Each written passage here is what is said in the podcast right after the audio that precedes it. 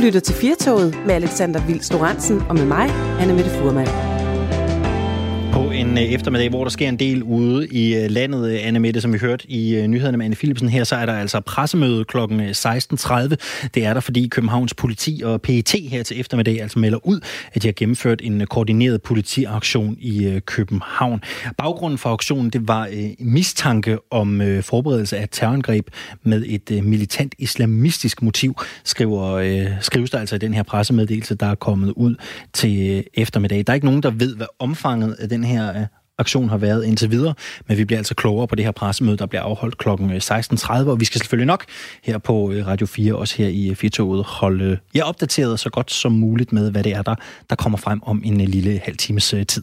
Men vi har også mange andre ting på programmet her til eftermiddag. Det har vi. Det er international jazzdag i dag, og øh, as we speak lige nu, der er der koncerter i gang fra øh, Musikkens Hus i Aalborg, hvor man øh, giver koncerter. Man kan selvfølgelig ikke møde op, men man kan opleve det online og øh, flere steder i dag, både på Facebook-sider og, og andre øh, sites. Der har man kunne øh, se jazzmusikere give koncerter.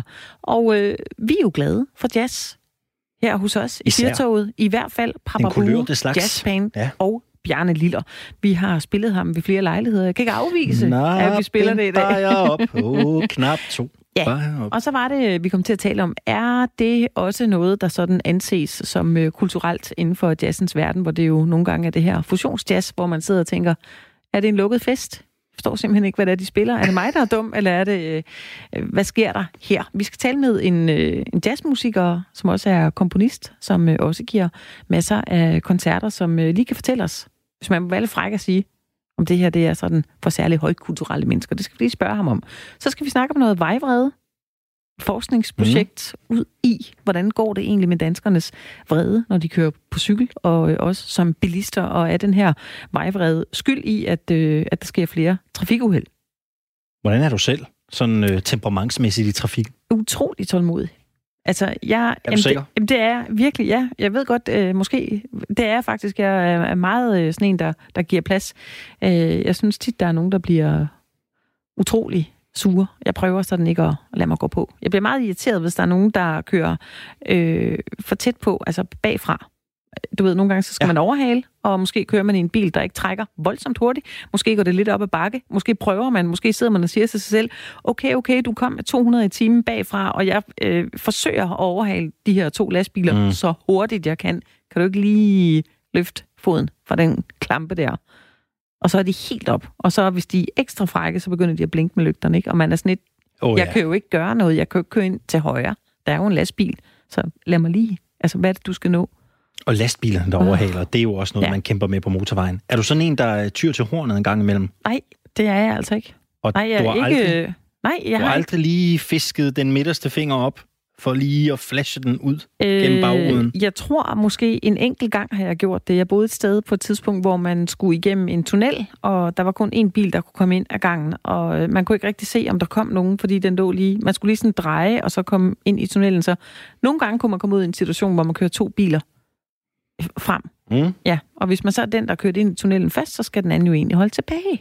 Ja, mm. hvis der så bliver insisteret på også at køre igennem, så kan man jo holde to biler med fronten mod hinanden, og så kan man jo sidde og kigge på hinanden og spørge, øh, ikke spørge, fordi man kan jo ikke høre, hvad den anden siger, men kan du, nej, vil du sidde og bakke lidt, så jeg kan komme mm. ud? Ja, sådan noget. Der har jeg givet en finger til en gammel dame faktisk engang, som sad og råbte af mig. okay. Det var ikke min, og det var ikke min skyld. Nej, det var hende, der skulle holde tilbage, og så ville hun ikke flytte sig. Jeg havde øh, mange biler, der holdt i, øh, altså bag ved mig, så jeg kunne ikke sådan bakke tilbage, vel? fordi så var vi 10 biler, der skulle bakke. Og hun havde 0, så jeg tænkte, kan du ikke lige flytte dig bare 3 meter, så kan vi alle sammen lige komme forbi. Så er der ikke noget. Jeg hørte en historie engang fra nogle, øh, fra nogle venner, som havde været øh, på vej hjem øh, ned gennem Jylland. De havde øh, kørt på motorvejen, og der havde så været nogle, øh, nogle unge mennesker, som var kørt ind foran dem øh, lidt for sent, ikke? Altså, øh, der skulle bremses op. De venner, øh, der har berettet mig historien, de dytter så og ryster på hovedet i det, de overhaler. Men de andre bilister, som så også viser sig at være en gruppe unge gutter, det tager de jo meget ilde op. Så nærmest hele vejen ned gennem den jyske motorvej, så forsøger de at provokere dem. Ej. Hele vejen nedad. Altså det er sådan lidt... Hold nu op. Ja, undskyld, så har man da også verdens mindste tissemand, hvis man ja. har behov for at gøre den slags. Ja. Altså, det er da helt skørt. Ja. Men det findes jo. Det gør det i den grad. Det er jo derfor, de har lavet det her forskningsprojekt, simpelthen for at se, øh, hvor, hvor slemt det er. Øh, Nils har lige sendt en, os en uh, sms. Han skriver, som cyklist oplever man også vejvrede, selvom det største problem er de bilister, der eventuelt aldrig opdager, at de gjorde noget farligt, eller som bare troede, at de kan overhale uh, med under en halv meters luft. Men jeg har da for eksempel i... København oplevet en varebil, der forfulgte mig hen ad cykelstien. Min forseelse, jo jo, jeg var blevet irriteret over, at han var kørt for langt frem fra en sidevej, så jeg måtte slå en stor bu udenom for at komme forbi. Så i forbifarten dubbede jeg lige en pegefinger mod bilens forråd. Det fik åbenbart sikringen til at sprænge derinde, men chaufføren besindede sig åbenbart efter lidt tid og indstillede forfølgelsen. Wow, ja, altså, en varebil efter en cykel. Nogle mennesker, Flot. der simpelthen skulle have frataget kørekortet, ikke? Øh, det er jo helt, helt, helt, helt skørt, men man hører jo om de der historier. Man kan jo også se videoerne, de ligger jo overalt på nettet, af folk, der simpelthen går helt skråt ved at opleve, at, øh, at der måske lige bliver, bliver dyttet af dem, eller der er nogen, der lige løfter en, en pegefinger. Det er der altså nogen, der til har lidt svært ved at, at tolerere. Ja. Der er et helt arsenal af, af videoer derinde. Jeg sagde i sidste time, at øh, jeg har set nogle russiske af slagsen, og det har jeg, fordi der er jo, sidder kameraet jo typisk i øh, forruden. Altså det er meget normalt at køre med, med kamera i forruden, simpelthen af forsikringsmæssige årsager i Rusland. Ja. Så det er derfor mange af videoerne, de stammer derfra. Og det er jo det der med, lige pludselig så popper den. Altså, der er jo også nogen, der øh, de tror simpelthen ikke, de har har, øh, har rendt rundt og været, og været sådan øh, små aggressiv, men så lige pludselig så, øh, så bonger det ud, når de kører i bilen. Altså, der er jo også mange, der lige pludselig altså, får et vredesudbrud af en anden verden, men, mm. men mhm. hvor de selv bliver overrasket bagefter over, hvorfor de bliver så vrede. Det kan jo koge over, uden man sådan lige går og regner med det. I øvrigt er der en, der skriver her, at det koster at klippe og blinke efter bilen foran på motorvejen. Ja, jeg, det, jeg har jo ikke taget kørekort, så jeg er jo ikke 100% hjemme i færdselsreglerne. Det var faktisk ikke klar over. Nej, det var jeg egentlig heller ikke. Jeg tænker også, mm, hvis det nu var mig, der så en, der blinkede øh, af mig, hvis en, der kører bag mig, så skal ja. jeg jo så nærmest tage et billede hvad, af vedkommendes øh, øh, hvad hedder den, nummerplade. Så hvis ikke lige der er en politibil, så... Ja, men det, det er vist besværligt, var. Den, er, ja, det, den, bliver, den bliver svær at anmelde, medmindre du har nogen siddende på bagsædet, ikke? Det, det, det, og sådan lidt, hvordan tager du lige et billede af nogen, der blinker med en lygte og fanger nummerpladen? Ja. Der skal du have et avanceret kamera, tænker jeg, jeg hvis det på en eller anden måde skal gå, ikke? Præcis. Jeg tror heller ikke, der er så mange mennesker, der lige kører helt op i bagdelen på en politibil, og så lige blinker lidt. Gider du flytte dig lidt? Nej, det er der givetvis ikke. Vi er klar med en uh, times radio til dig endnu her på uh, Radio 4. Du lytter til Firtoget. I studiet i dag, Alexander Vils Lorentzen og Anna Mette Furman.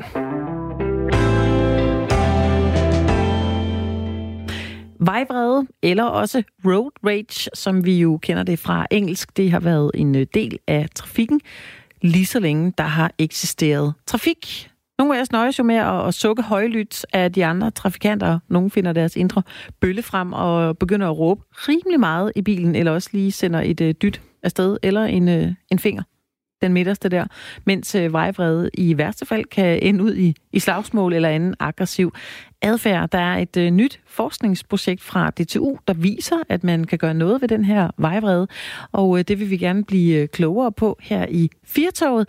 Derfor har vi øh, Ravnhild Holgaard med på telefonen. Velkommen til, Ravnhild. Jo, tak. Du er videnskabelig assistent på DTU og har været med i det her forskningsprojekt mod vejvrede. Øh, hvordan har I, øh, har I grebet det an sådan helt øh, lavpraktisk? Vi har grebet det an på den måde, at øhm, vi tænkte, der måtte være en eller anden metode til at kunne gøre noget ved det her problem med vejvreden i trafikken. Øhm, så det vi helt konkret ville, var, at vi ville lave en eller anden form for intervention, hvor at vi kunne hjælpe folk til at øhm, håndtere det her vejbrede på en bedre måde. Intervention, hvad, hvad, hvad dækker det over, hvis vi lige skal have, skal have alle med? Det dækker over, at øhm, vi gerne vil påvirke, hvordan folk øhm, opfører sig. Så vi, vi kommer med nogle gode råd og, øhm, og noget vejledning om, hvordan man kan opføre sig på en bedre måde, så vi kan håndtere det her vejvrede på på en mere sikker måde i trafikken. Mm. Og hvad er målet med jeres øh, forskningsprojekt?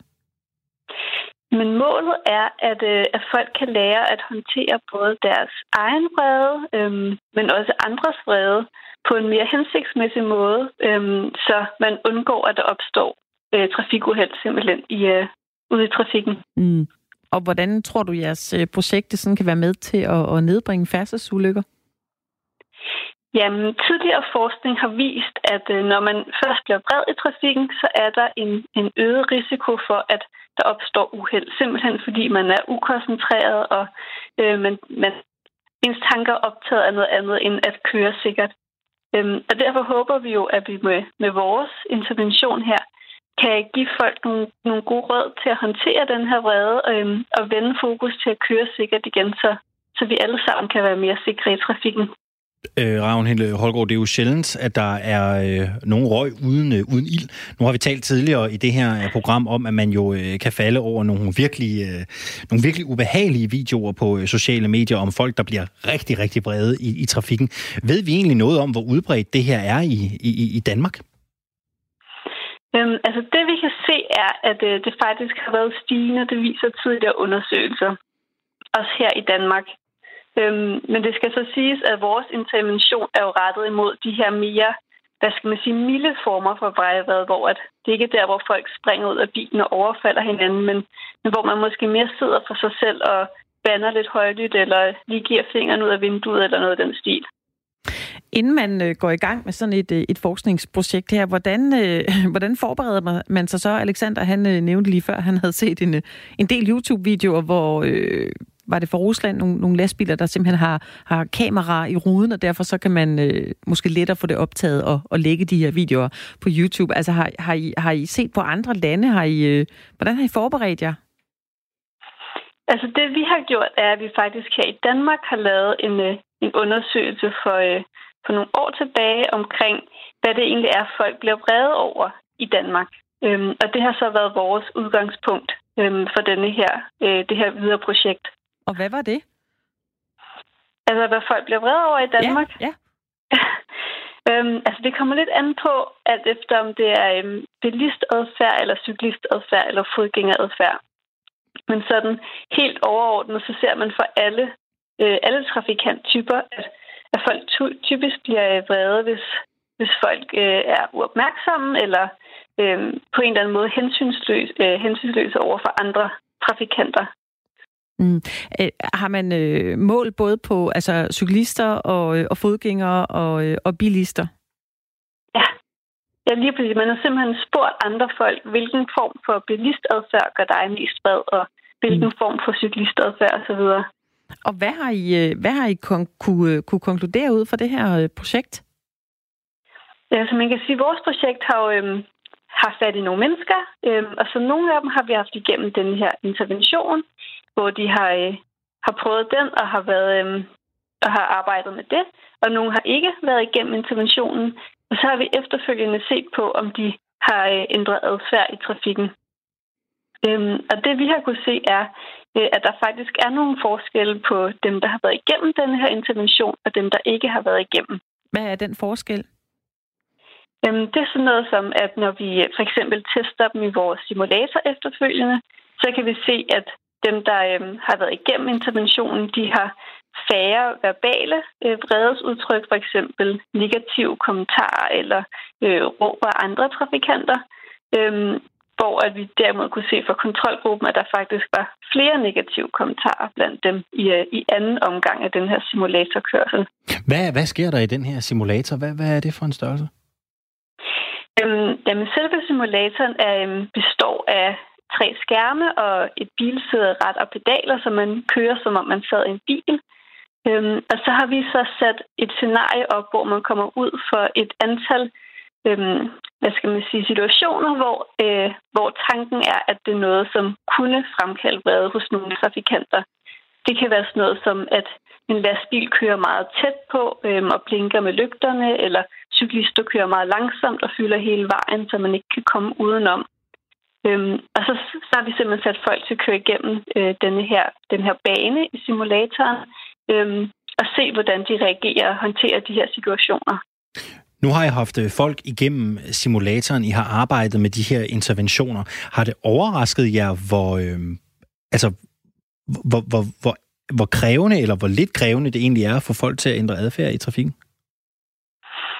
Mm, det ved jeg ikke, om det har overrasket os som sådan. Øhm, jeg var i hvert fald selv ret positiv over, at, øh, at folk virkelig var glade for interventionen og øh, talte meget positivt om den efterfølgende. Det kunne vi både se i, øh, vi har lavet sådan et efterfølgende spørgeskema, hvor folk kunne komme med feedback, hvor at de fleste var ret positive.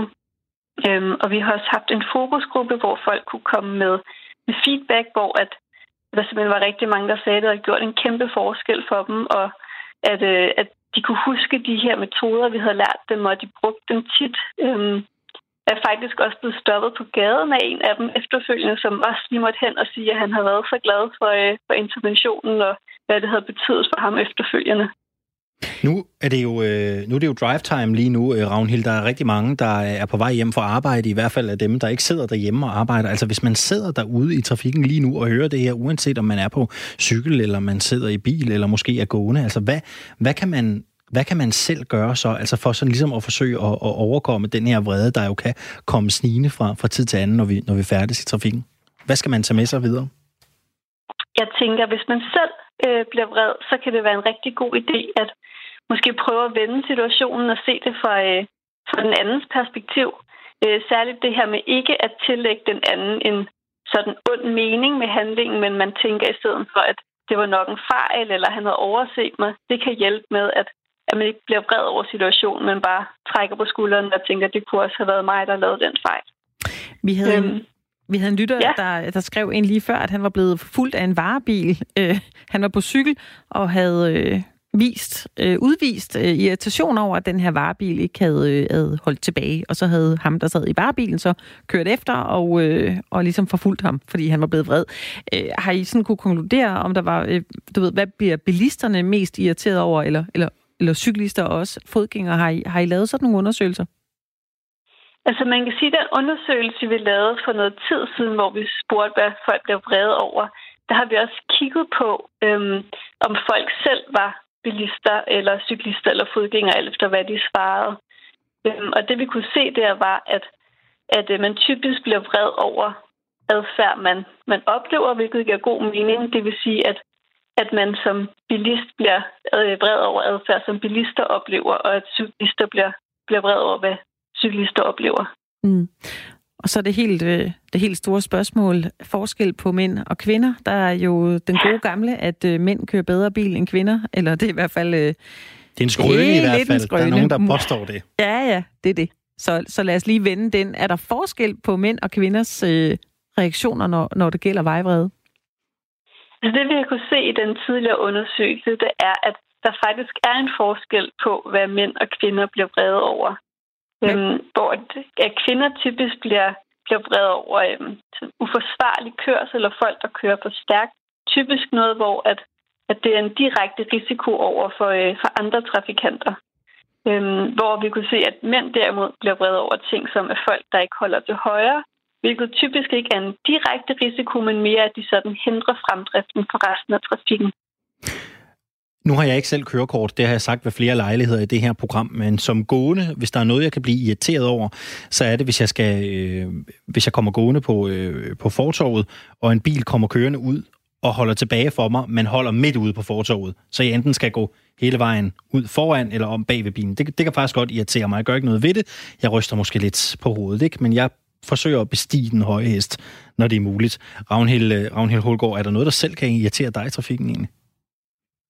Jeg tror, jeg er en af dem, der ikke bliver voldsomt øh, irriteret i trafikken. Nu kører jeg heller ikke så meget bil igen. Øhm, men, men jeg tænker i hvert fald helt klart, at hvis man oplever, oplever noget, man bliver irriteret over, så er det en god idé, som du også beskriver, bare at ryste lidt på hovedet og, og gå videre frem for at, at skulle hisse så meget op over det.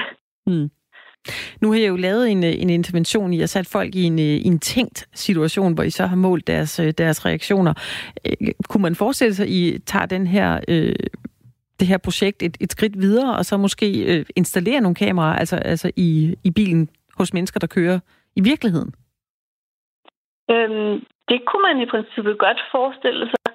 Det vi har kigget mere på, var øh, muligheden for måske at kunne involvere nogle køreskoler, ja. for at få det mere ud i, øhm, i en sådan, hvad skal man sige, virkelig setting, øh, hvor vores har jo været lidt med en simulator og, og lidt mere tænkt setting. Ja. Er det noget, I går videre med så? Altså, vi har søgt om at få nogle flere penge til at kunne fortsætte projektet, så, øh, så det kan vi håbe, vi gør. Ja, jeg håber, at øh, I øh, i hvert fald kan, konkludere, at øh, danskerne, altså at, at det måske kan hjælpe på, at vi ikke har så meget øh, vejvrede ude i trafikken. Ravn Hele Hulgaard fra D2, tak fordi du var med her i Firtoget. Selv tak. Og Anne Mette, hvis der er noget, der kan få folk til tasterne, så er det altså til synladende øh, det her med vejvrede. Ja. Mikkel har sendt os en, øh, har sendt en sms, i, det skal nok øh, tages i den humoristiske ende her.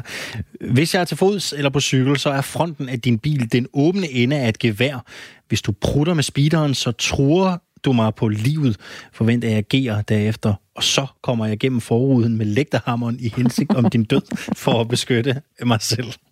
Jesus. ja, men altså, jeg vel. Jeg ved ikke, om jeg havde lyst til at møde Mikkel i... Øh, Nej, hvis du bare kører ordentligt, så er der jo Nå, ikke noget problem. Ja, ja, men det kan jo smutte. Altså, hvad hvis jeg laver en ja. fejl i trafikken jo? Det er jo også det, der nogle gange, øh, synes jeg er, når man kører ude. Altså, man kan jo komme til at begå en fejl øh, ved at ikke lige kan vurdere, bliver det rødt, bliver det gult, var det grønt? Øh, og Mm. så er der dem, der bare går totalt bonanza, hvis man laver en lille bitte fejl.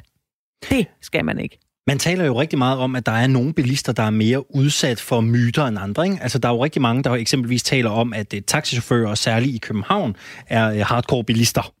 De, Ja. ja. de har jo fået et eller andet øh, rygte klistret på sig. Jeg vil sige, jeg har aldrig selv kørt med en, øh, med en, med en taxa, hvor jeg har tænkt, at, at her var mit liv i fare, eller her var cyklisternes liv i fare. Det har jeg faktisk ikke prøvet. Øh, og jeg har kørt en del i taxa, skal det siges. Jeg har kørt i taxa også i Belgien. Der er alles liv i fare, vil jeg sige. Der, der risikerer alle at miste livet, når Er det man er fordi, ude de kører lige så... Øh, kører de frisk? Jamen, det, det, er jo, det er jo de lidt hasarderet? sådan...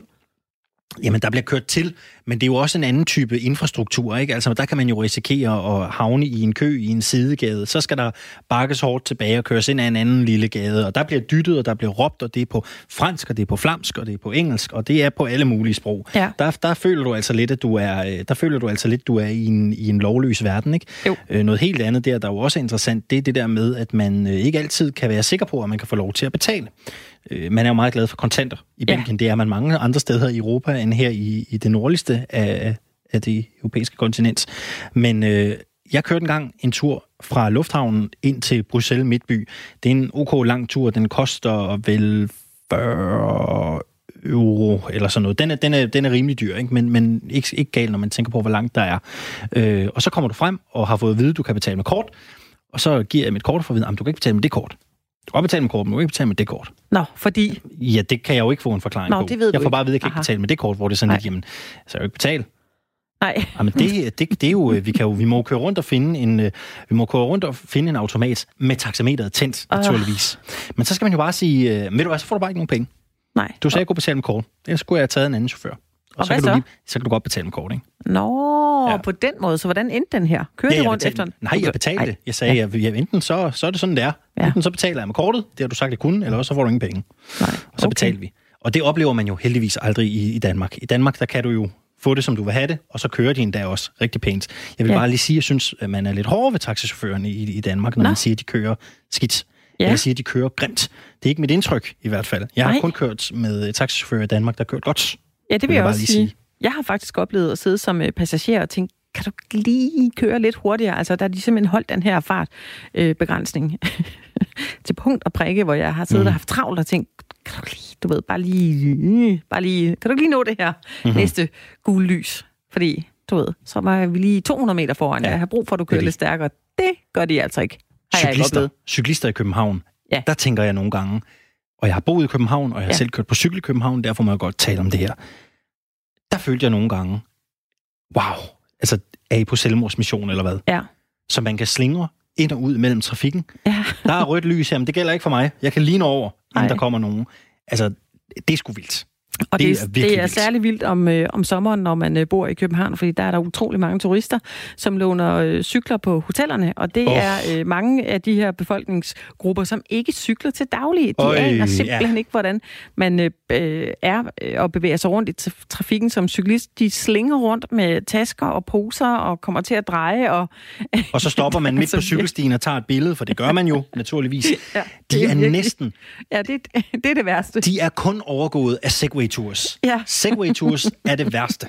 Prøv at høre, Men de holder det trods alt ind til Men siden. folk kan ikke køre på det, vel? Altså, Ej, det, det går rigtigt. altid galt. Al ære og respekt til dem, der, der lever af at, at lege dem ud. De er jo sjove, det er der ingen tvivl om. Men for satan, hvor er det irriterende, når de der segways kommer kørende Ja. og stopper, og man ikke kan styre dem, og frem og tilbage, og ballade, Ja. ringeklokker, Ja. fakter. Du, kan du mærke, nu kommer ja. jeg op i det. Jeg har ikke kørekort selv, men du kan mærke, jeg har mødt tilpas mange segways på min, på min færd. Hold nu op for Søren. Hvis det er et stykke legetøj. Ja, men øh, jeg vil så sige, hvis, når, når man så bor i København, man lærer altså at læse øh, trafikken ret godt, fordi når man kører på cykel, der er sindssygt mange cykler, især om, om morgenen og om eftermiddagen, og man lærer sådan at, at kigge nogen meter frem. Altså lige at se, ham der er deroppe, skal nok lige på på, fordi han er sådan en, der godt kan slinge ud, ikke? Eller dem, der kører med musik i ørerne, der bare lige kører ud for en, ja, fordi de det. lige har travlt. Altså, det kan jo gå gruelegalt, fordi man er også tæt på kørebanen. Så hvis man vælter, så går det jo kan det jo virkelig gå galt. Men tror du ikke, det handler om, at når man som cyklist, øh, og jeg indrømmer også, jeg har altså også nogle gange lavet nogle øh, fadæser, mens jeg har kørt på cykel i de større byer. Tror du ikke også, det handler om, at man tænker, når man som cyklist kan jeg ikke, jeg kan ikke jeg kan ikke give ret mange, jeg kan ikke tilføre ret mange skade. Det skal gå meget galt, før nogen kommer til skade med den hastighed, jeg kører på her på min gamle havelov. Ikke? Ja. Altså, og derfor føler man måske også, at man kan svinge lidt mere fra side til side, køre lidt mere øh, frit end, end i bil, ikke? hvor øh, det jo kan gå rigtig, rigtig galt, ikke? fordi ja. man er hård kontra blød trafikant. Ja. Jeg tror, det kan have noget med det at gøre. Det kan også godt, det er bare, ja. det er ren lommefilosofi, ikke? Ja. Måske skulle du næsten tage et kørekort, bare for at finde ud af, hvordan det er at være bilist. jeg har øh, jo overvejet tanken, ja. og der er rigtig mange, der opfordrer mig til at gøre det.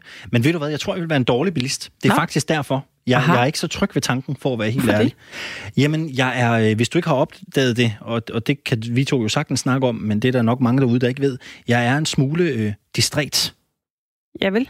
Jeg er lidt distræt anlagt. Ja. Jeg er sådan en, hvis jeg går, så har jeg, jeg har altid store høretelefoner på. Jeg øh, indser ikke rigtig, hvad der sker omkring mig. Ej. Og jeg vil være sådan en, der helt sikkert hørt meget radio i bilen. Ja, og, sidder, og jeg, så sidder du og spiser, du sidder og drikker og kigger den anden vej. Nej, det synes jeg er ulækkert i bilen. Nå, det vil jeg ikke nå, gøre. Nå, nå, men, men jeg vil nok... Øh, jeg, jeg, er sådan en, jeg, jeg måtte ikke spise i bilen, da jeg var barn, så det har jeg ikke taget med mig. Men jeg vil være sådan en, der hørte musik og hørte radio. Ja. Og jeg vil nok høre efter, også mere, end jeg lige vil orientere mig. Jeg tror særligt det der med højre sving, det vil være sådan noget, det vil være svært for mig. Jeg, det, det, det tror jeg godt, den kunne smutte. Så jeg har lovet mig selv og samfundet, at jeg gør os begge en tjeneste ved at holde mig fra at, øh, at tage kørekort. Dermed sparer jeg selvfølgelig også på, øh, på, på miljøet, og jeg hjælper den kollektive transport og øh, taxichaufførerne med at have noget at lave. Du ved, det er noget, der kommer du noget godt ud fra samfundssind. Det er fint. Det er en, skal der også det er en form for, for samfundssind. Det er, øh, det, er, det er helt rigtigt. Radio 4 taler med Danmark. Siden 2012 har UNESCO hyldet jazzen i over 200 lande verden over med den tilbagevendende begivenhed International Jazz Day. Som noget nyt deltager Danmark nu også med en øh, formel fejring af dagen, og i løbet af dagen har man kunne se flere koncerter online på forskellige sociale medier, og fra 16 til 23 i dag vil der fra Musikenhus, Musikkens Hus i øh, Aalborg blive spillet otte koncerter med 25 forskellige musikkunstnere fra Aalborgs jazzscene. Men hvad er der med jazzen?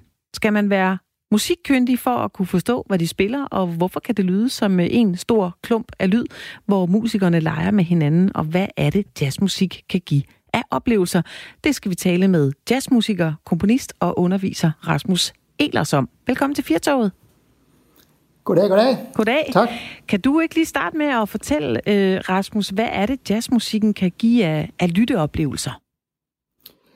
Øh, jazzen kan, er jo øh, hvad hedder det, en improvisationsform, og musik, hvor der opstår, er rigtig meget improvisation.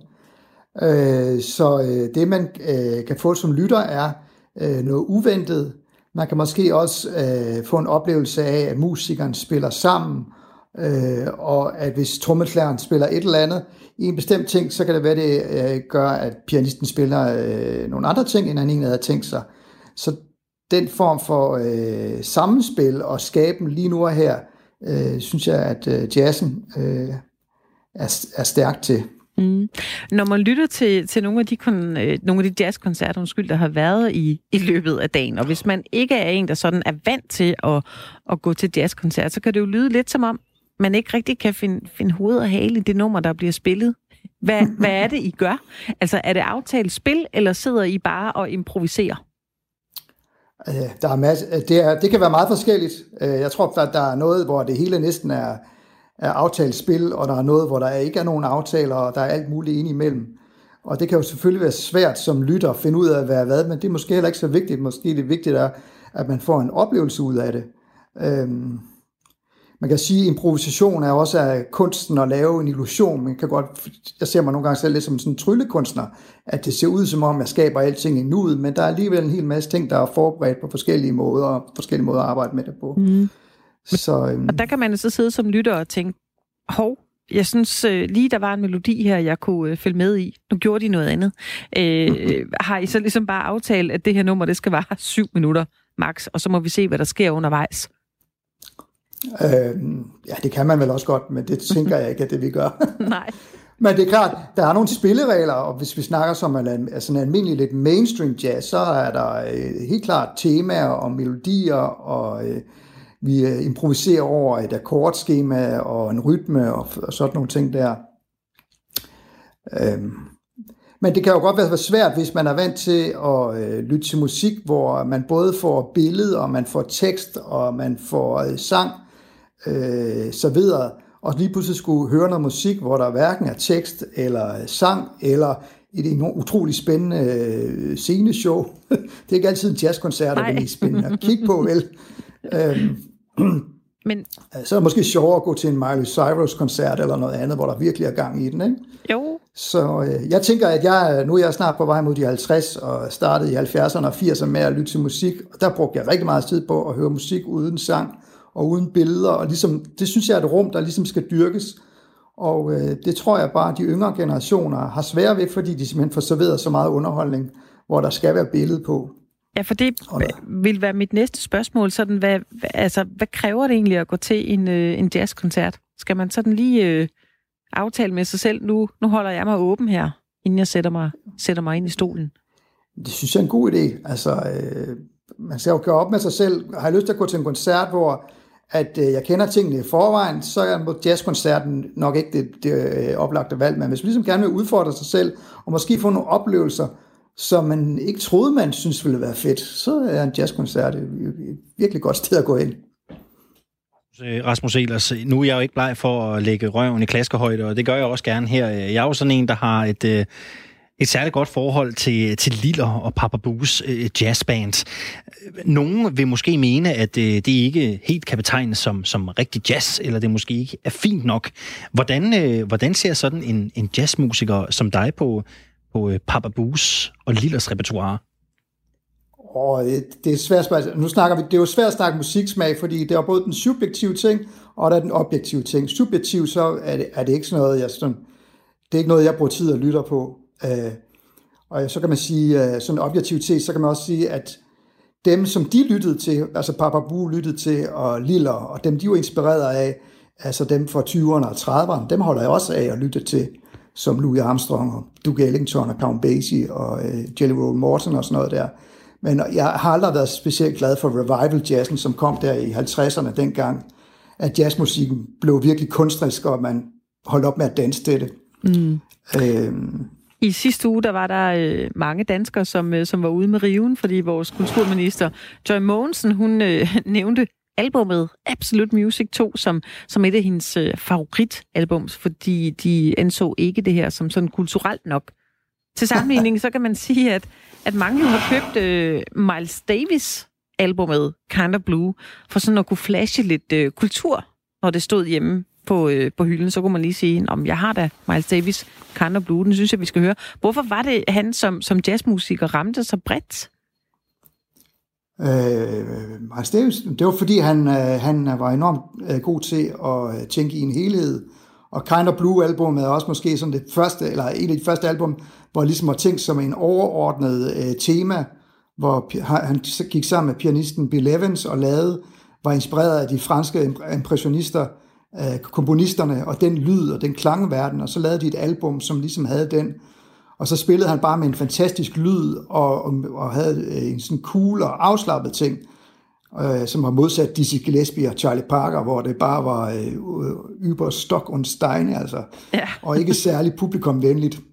Han var så heller ikke selv særlig, han gad ikke at snakke til publikum, og han vendte tit ryggen til, mens han spillede og sådan noget, og det var der mange, der synes, der blev sure over.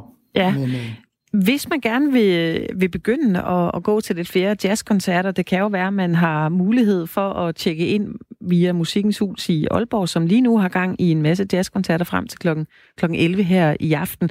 Hvis man nu er lidt øh, ny på banen her, hvordan kan man så sådan forberede sig, inden man, man tjekker ind på nogle af de mange koncerter, som, øh, som spilles i dag, hvis man gerne vil, vil snuse lidt til det? Åh, oh, bare komme i gang det er jo altid svært i starten, ikke? Nu er jo den her coronatid, det er jo rigtig sådan en hobbytid, ikke? Altså, jeg har brugt en måned på at lære at lave et ordentligt surdagsbrød, altså det tager bare lidt tid med en masse dårlige, ikke hævet brød, ikke? Og, øh, så man må nok også ud og høre en masse koncerter, som, øh, som man, det er sikkert en del af dem, man ikke kan lide, og sådan er det jo bare. Ja. Og så må man jo selv finde ud af, om, hvad man kan lide, men hvis man kan forholde sig åben og ligesom sige, det har jeg godt nok aldrig prøvet før, men det kan være, at jeg faktisk godt kan lide det, så ja. er det en god idé, ja. ja. Rasmus Elers, du er selv øh, jazzmusiker og også øh, komponist. Jeg vil sige øh, tak, fordi du lige øh, gav os en, en lille bitte indføring i, hvad, hvad jazzmusik det, det kan. Vi kan prøve at forholde os åbne fra nu af ja. og se, om, om det kan give noget næste gang, vi er til koncert. ja. kan, kan du have en god dag? I lige måde, tak. Hej. Anne jeg synes, det var smukt at høre uh, lidt fuglekvider her i baggrunden, mens ja. vi taler om jazz. Det, det kan altså et eller andet. Ja. Men jeg synes altså lige, vi skal høre lidt jazz også. Og, ja. og, og nu har vi snakket om det her Kind of Blue-album, så lad os lige tage noget herfra. Ikke? Det er sådan en god... Miles Davis. Ja, det er Miles ja. Davis. Det er en god indføring i jazz. Ikke? Det er noget, de jo. fleste kan forholde sig til. Jeg synes, vi skal, jeg synes, vi skal prøve at lytte til et nummer, øh, der hedder Flamingo Sketches fra øh, den uh, plade, Anne Jeg ved ikke, om, om det er du kender. Det er et, jeg selv synes er, er ret, er ret rart. Det. Hvis, det hvis jeg skal være, hvis jeg skal være ja. helt ærlig. Jeg synes i hvert fald, vi skal, vi skal tage en lytter til det her.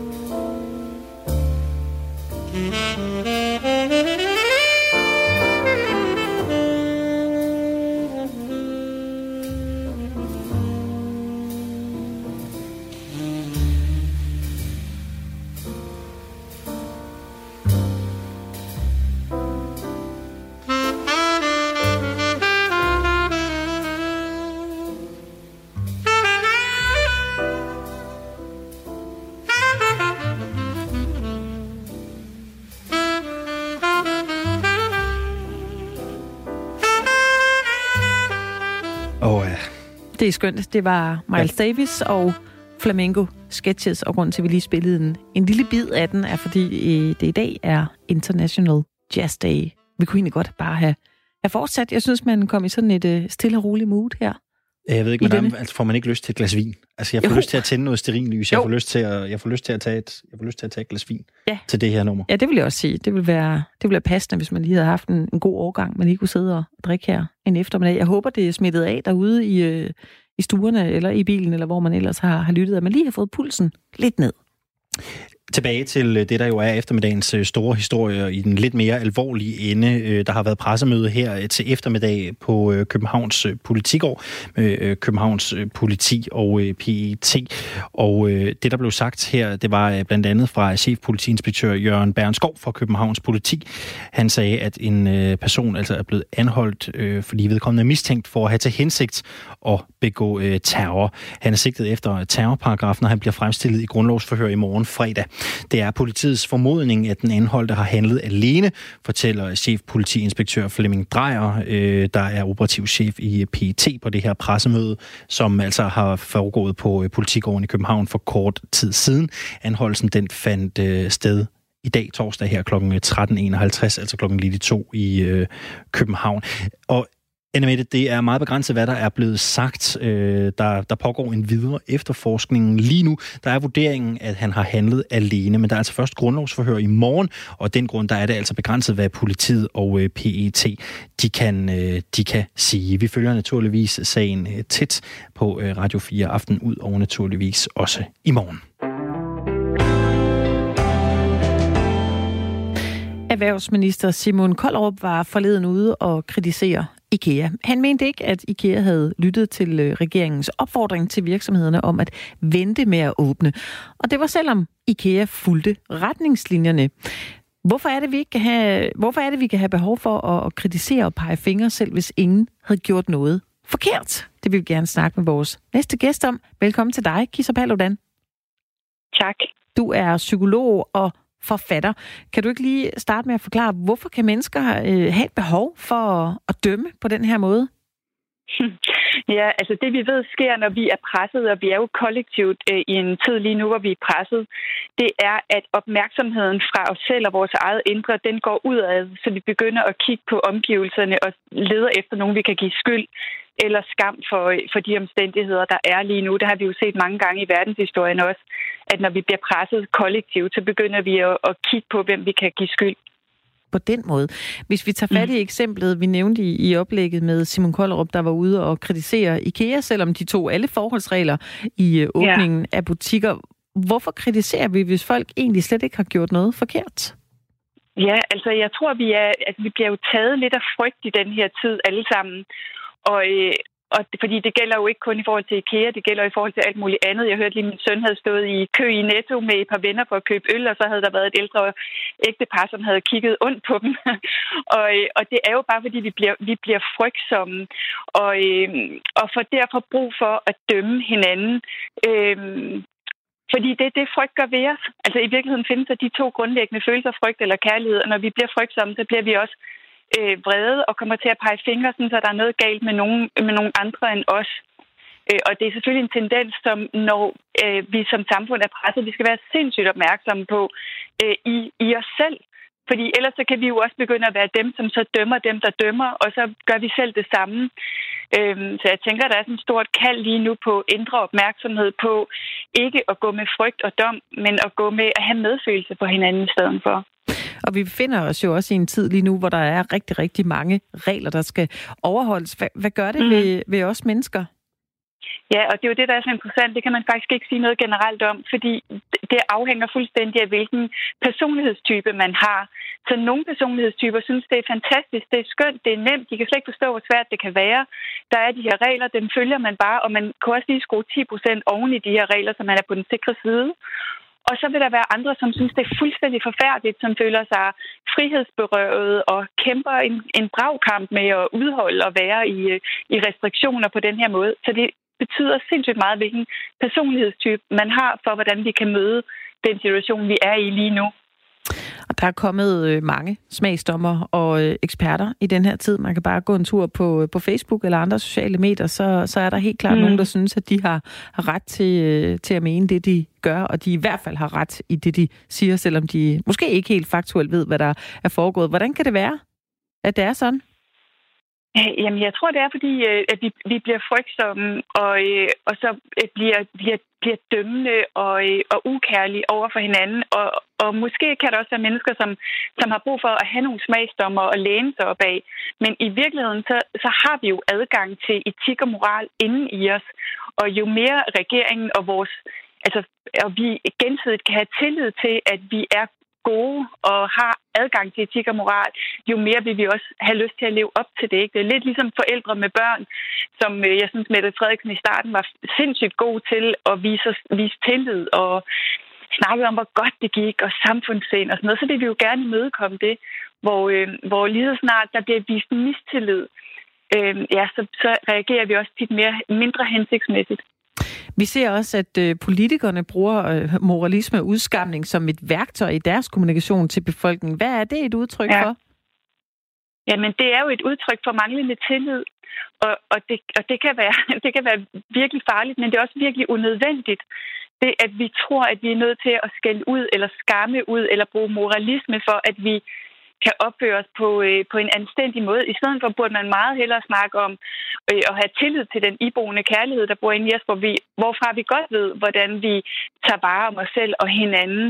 Øh, og fremelske det og fremdyrke det og snakke om, hvordan det fungerer, i stedet for at bruge, præcis som at det også er misforstået i børneopdragelse, ikke? bruge udskamning og, og skæld ud og moralisme.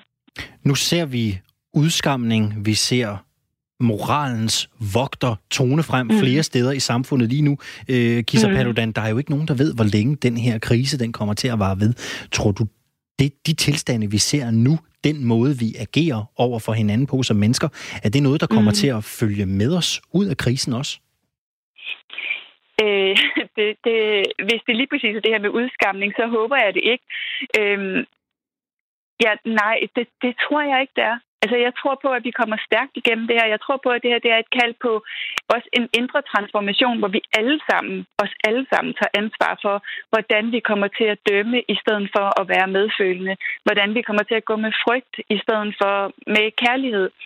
Øh, og det ser jeg altså også, at der er en kæmpe stor opmærksomhed på lige nu. Øh, samtidig med, at der er det andet, så ser jeg også en anden bevægelse. Og det er den her med, at vi skal være lidt mere medfølende over for hinanden, hvis der er nogen, der, der dummer sig eller laver en fejl. Ja, præcis. Og forstå, at vi er så sindssygt forskellige, og derfor går vi også til hele den her situation meget forskelligt. Vi tror jo, selvom vi godt ved, at vi er forskellige, så kommer vi alligevel til at dømme andre menneskers måde at være på ud fra vores egen personlighedstype. Og, og det, det kan vi ikke, for vi er virkelig forskellige, helt grundlæggende forskellige.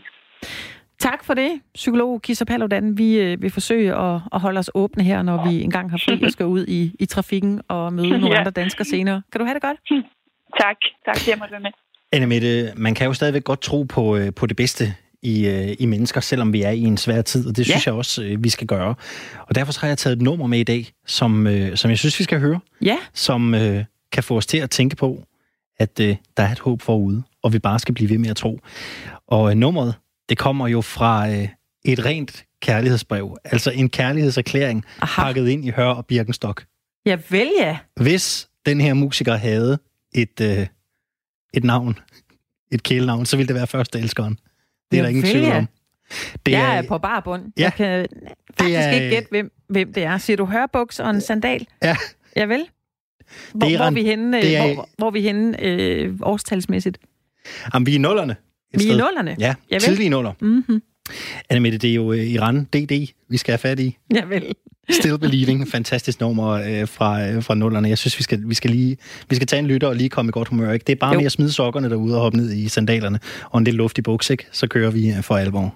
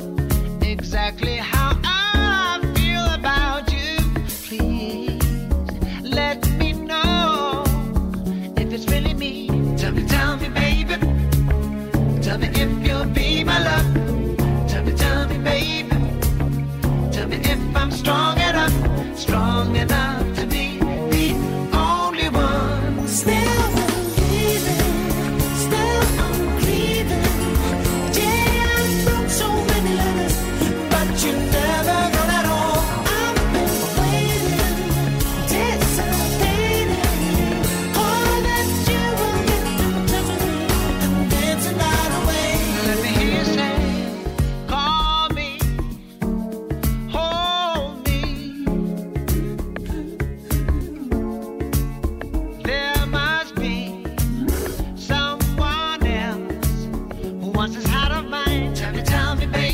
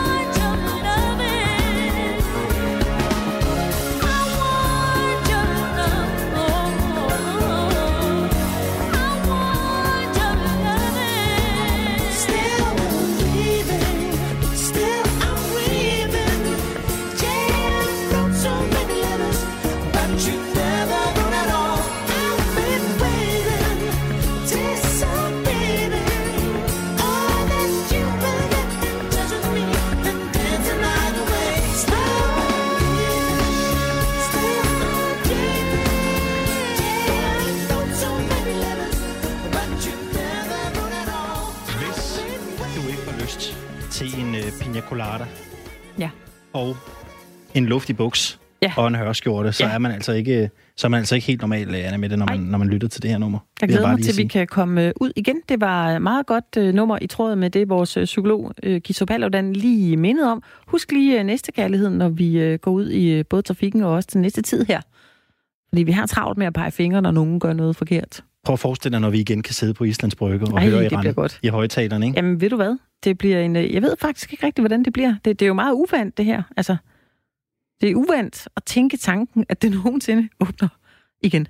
Det gør Det synes jeg. Bare ja, ja, det alt, godt det. kommer jo, alt godt kommer jo til den, øh, til den der venter, men øh, Ja. vi bliver jo givetvis klogere i løbet af en uges tid, når der er der bliver holdt et pressemøde i øh, Prins Jørgens Gård i statsministeriet. Vi må krydse fingre og se, øh, hvad der sker. Men vi har været vidt omkring i øh, Virtoget den her eftermiddag. Man kan jo vælge at blive hængende her på øh, Radio 4. Det synes jeg faktisk, man skulle gøre. Så er der et par gode øh, kulturtimer i vente. Der er jo Kreds med Maja Hall her på den anden side af nyhederne, og derefter så er der Stream Chill med William Eising. Og Stream Chill er jo sådan et program, hvor man bare må sige, det er guld værd i de her tider. Ikke? Altså, Ja. hvor der er Der masser af tid.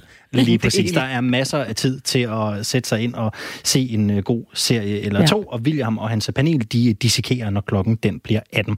Metronom Productions, de laver det her program for øh, Radio 4, og øh, jeg er tilbage igen med en øh, 1. maj udgave af det her program i morgen, når klokken den bliver 15. Vi høres ved. Hej hej!